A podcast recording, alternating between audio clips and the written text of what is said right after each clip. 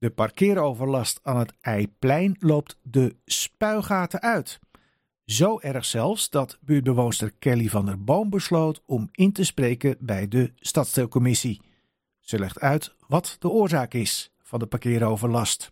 Omdat het per uur 1,40 uh, aan kosten is. En aan de overkant, ik geloof 7,50, dacht ik. Dus iedereen komt bij mij voor de deur staan om naar de stad te gaan. En uh, vanaf uw plek kunnen ze gelijk eigenlijk uh, ja. met het openbaar vervoer of met de hond kunnen ze... Het is echt uh, met één keer vallen, één keer opstaan en je bent er eigenlijk. Ja. ja. En waar leidt dat dan toe als u uw auto neerzet? Lichtelijke irritatie. Bij uzelf? Ja, en mijn, mijn buren natuurlijk. Ja. Want hoe ver moet u dan wegparkeren om nog een plekje te kunnen vinden? Nou, toch moet je toch wel richting Dirk van den Broek bij de Meeuwelaan gaan, ja. En is uw vergunning daar nog geldig? Nee. Oh, dus u staat er nog eens een keertje verkeerd geparkeerd ook? Ja, dan moet ik ook gewoon 1,40 per uur betalen. En als u wel een plekje voor de deur vindt, uh, wordt u dat dan gegund? Nou, ik zeg altijd uh, tegen mijn zoon, uh, ik ben, ben benieuwd hè, of we plek hebben. En als er dan wel één is, dan is het echt, god, we hebben een enorme mazzel. Ja, dan zitten we echt te juichen. En het gedrag van de mensen die daar dan komt parkeren, dat zijn dagjesmensen.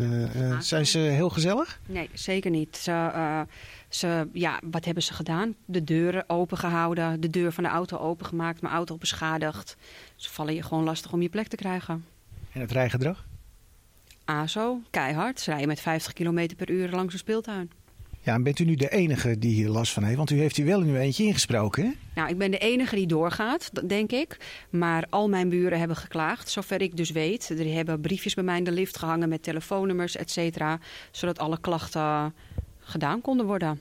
Ja, en wat was de reactie van de gemeente tot voordat u insprak? Nou, nou, ik kreeg een mailtje binnen met foto's um, vanuit voor 2018. Want in 2018 is het betaald parkeren ingegaan.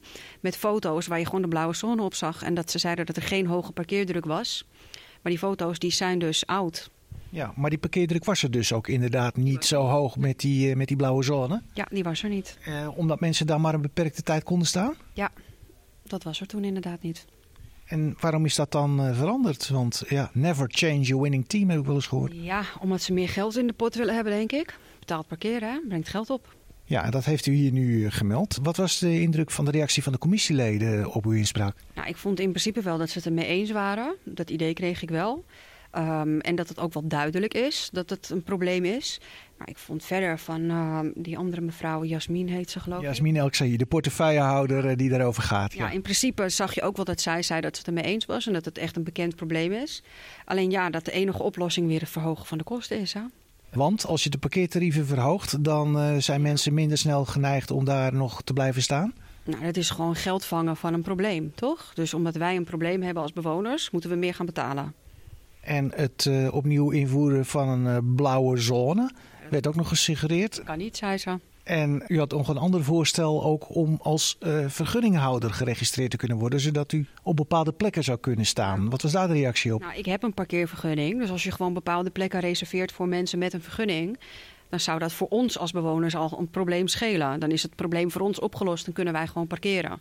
Maar er zijn nu overigens overal invalide plekken die de grond uitgestampt worden, die bewoners dus al doen.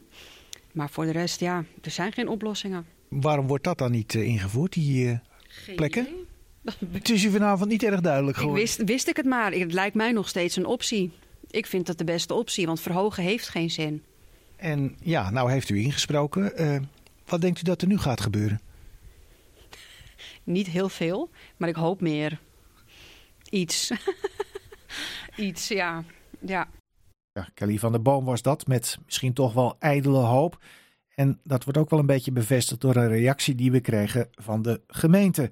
Want de gemeente laat weten dat door de Stopera is besloten om de blauwe zones zoveel mogelijk uit de stad te verwijderen.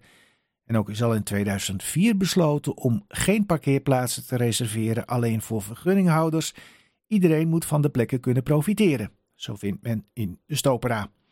Bovendien komen de kosten voor handhaving van beide oplossingen voor rekening van de gemeente, terwijl de opbrengsten naar het Rijk zouden gaan. Wel betreurt de gemeente het dat het niet meer mogelijk is om mensen voor een beperkte tijd betaald te kunnen laten parkeren. Hier heeft de rechter namelijk een stokje voor gestoken. Het probleem is daarom volgens de gemeente alleen maar op te lossen door de tarieven te verhogen.